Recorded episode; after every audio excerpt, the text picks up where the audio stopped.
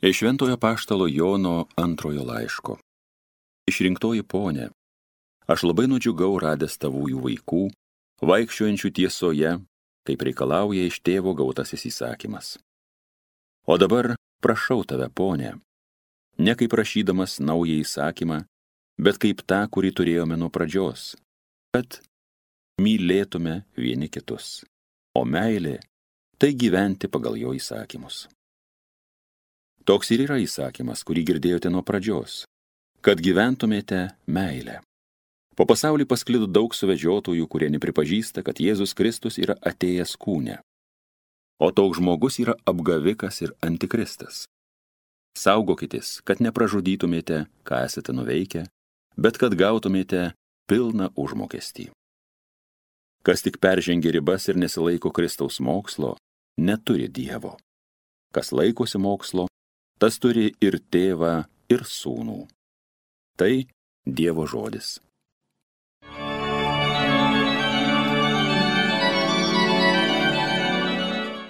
Laimingi, kurie pagal Dievo įsakymus eina. Laimingi, kas laikosi jo žodžių, kas iš širdies jo jo ilgis. Laimingi, kurie pagal Dievo įsakymus eina. Visa širdimi tavęs ieškau, tik neleisk nuo įstatymų tavo nuklysti, laimingi, kurie pagal Dievo įsakymus eina.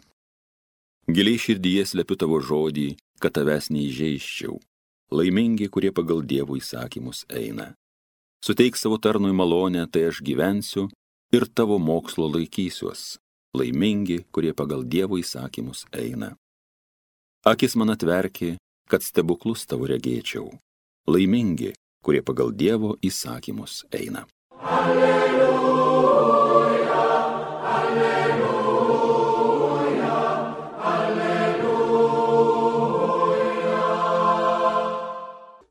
Atsitieskite ir pakelkite galvas, nes jūsų išvadavimas arti. Alleluja, alleluja, alleluja.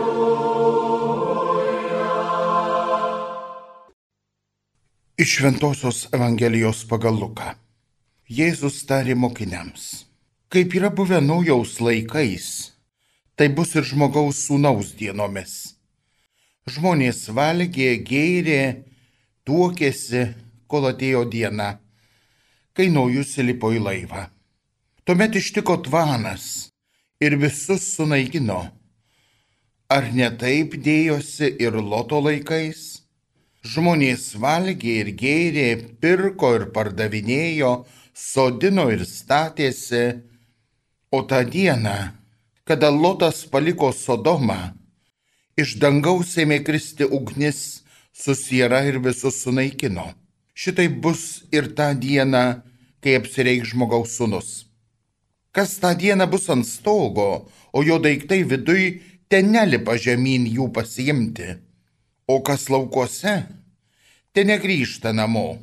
Prisiminkite Loto žmoną. Kas tenksis išsaugoti savo gyvybę, tas ją pražudys. O kas ją pražudys, tas ją atgaivins. Sakau jums, tą naktį dviese miegos vienoje lovoje, o viena bus paimta, o kitas paliktas. Dvi moteris mals vienomis girnomis, ir viena bus paimta, o kita palikta. Tada jie atsiliepė, o kurgi viešpatie? Jis atsakė, kur bus lavonų, ten sulėks ir maitvanagiai. Tai viešpatie žodis.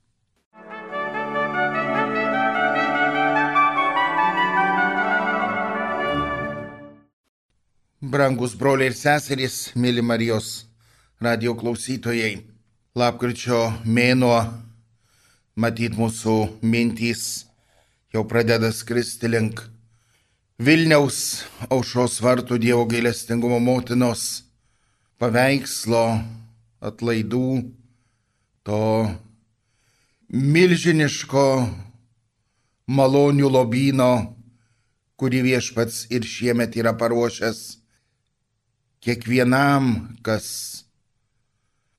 turės galimybę savo fiziniu buvimu, o gal tik tai minties nukreipimu, bet visiems savosios malonės ateis. Bet šiandien ne apie tai.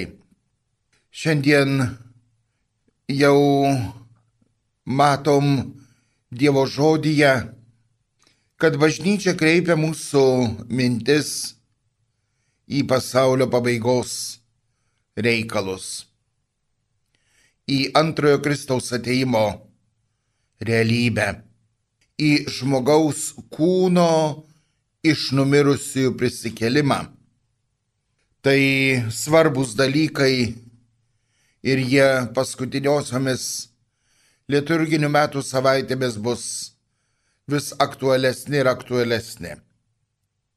Bet bažnyčia pradėdama svarstyti šį klausimą pirmiausia mums pateikia Luko Evangelijos ištrauką, kurią ką tik girdėjome, apie visų šitų reikalų paprastumą. Jėzus labai aiškiai savo klausytojams duoda pavyzdžius iš naujaus gyvenimo, iš loto gyvenimo. Lygiai taip pat nurodymuose, kuriuos palieka savo mokiniams, tegul kiekvienas, kuris dirba savo darbą ir te dirba jį, o neieško kokiu nors išeičių Čia mes galėtumėm pridėti dar apaštulo Pauliaus laiško, antrojo laiško tesalonikų krikščionims, kurie irgi pradėjo laukti Kristaus ateimo ir čia pat jau nieko nebedarydami, tik tai sėdėdami ir tuščiai plepėdami. Ir Paulius susierzinęs, o gal net supykęs, jiems rašo, kas nenori dirbti, te nevalgo. Visi turim laukti Kristaus ateimo darydami tai, kas mums yra pavesta. Senas labai klasikinis ir daug kartų girdėtas pasakojimas apie šventąjį Joną Bosko, o gal vieną iš jo mokinių, nes tiek populiarus, kad jau perėjo ir kitiems žmonėms, ką tu tėvę darytum, jeigu sužinotum, kad po penkių minučių bus pasaulio pabaiga ir tas žaisdamas futbolą sako, toliau žaiščiau futbolą ar ten kokį kitą žaidimą. Tai yra daryčiau tai, kas man yra liepta. Taip kaip ir Jėzus savo šiandieniuose palyginimuose ir nurodymuose darykite tai, kas jums yra nurodyta. O kaip surasti sielos ramybę? Nesgi pasaulio pabaiga ateina Kristus su kokia tai galybė, didingumu, o gal net ir mano visų nuodėmių sąrašo. Ateina pasaulio teisėjas gailestingas, žinau, bažnyčia skelbė. Taip, atleidžiantis. Bet gal aš dar nepilnai išdėsau paprašyti to atleidimo. Gal aš dar neturiu pilnai pasitikėjimo juo, o jis manimi. O gal tikrai mane nubaus? Ne. Jėzui yra svarbiausia, kad mes būtumėm šiandien, čia ir dabar savo ramybėje. Puikiai žinodami, kad ateis valanda, minutė, kada būsim paimti pas viešpatį, kada ateis pasaulio pabaiga. Bet Jėzus mus ragina, būkite ramus. Būkite ramus į klausimą, kurį užduoda mokiniai pabaigoje šiandienos Evangelijos. O kurgi viešpatie? Reiškia, o kur mums eiti, ką mums daryti? Taip, suprantam, tie, kurie laukose pasilieka laukose, kurie ant stogo, ant stogo, bet mums ką daryti? Ir Jėzus atsako, žinoma, ramėjišką patarlę, be abejo, beveik neskambančią lietuviškai, nes lietuviškai mes jos tokios neturim.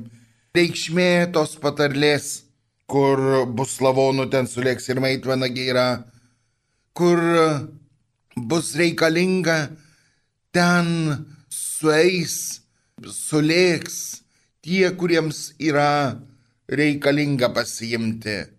Ten, kur bus viešpats, ten ir mes atsirasim. Nes savo ramybę, savo klusnumu, savo ištikimu, nuoširdžiu darbu, paprastų savo įsipareigojimų vykdymu, mes jau būsim laimėję amžinai gyvenimą.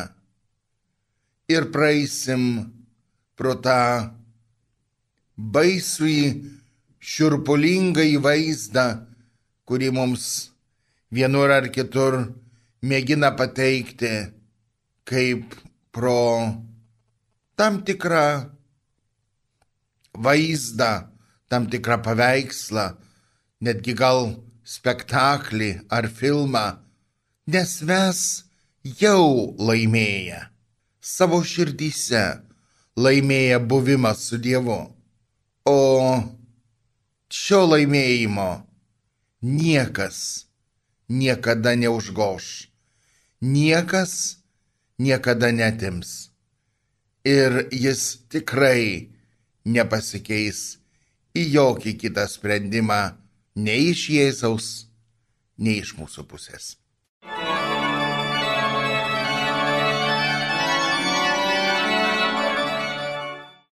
Homilija sakė kunigas Arūnas Kesilis.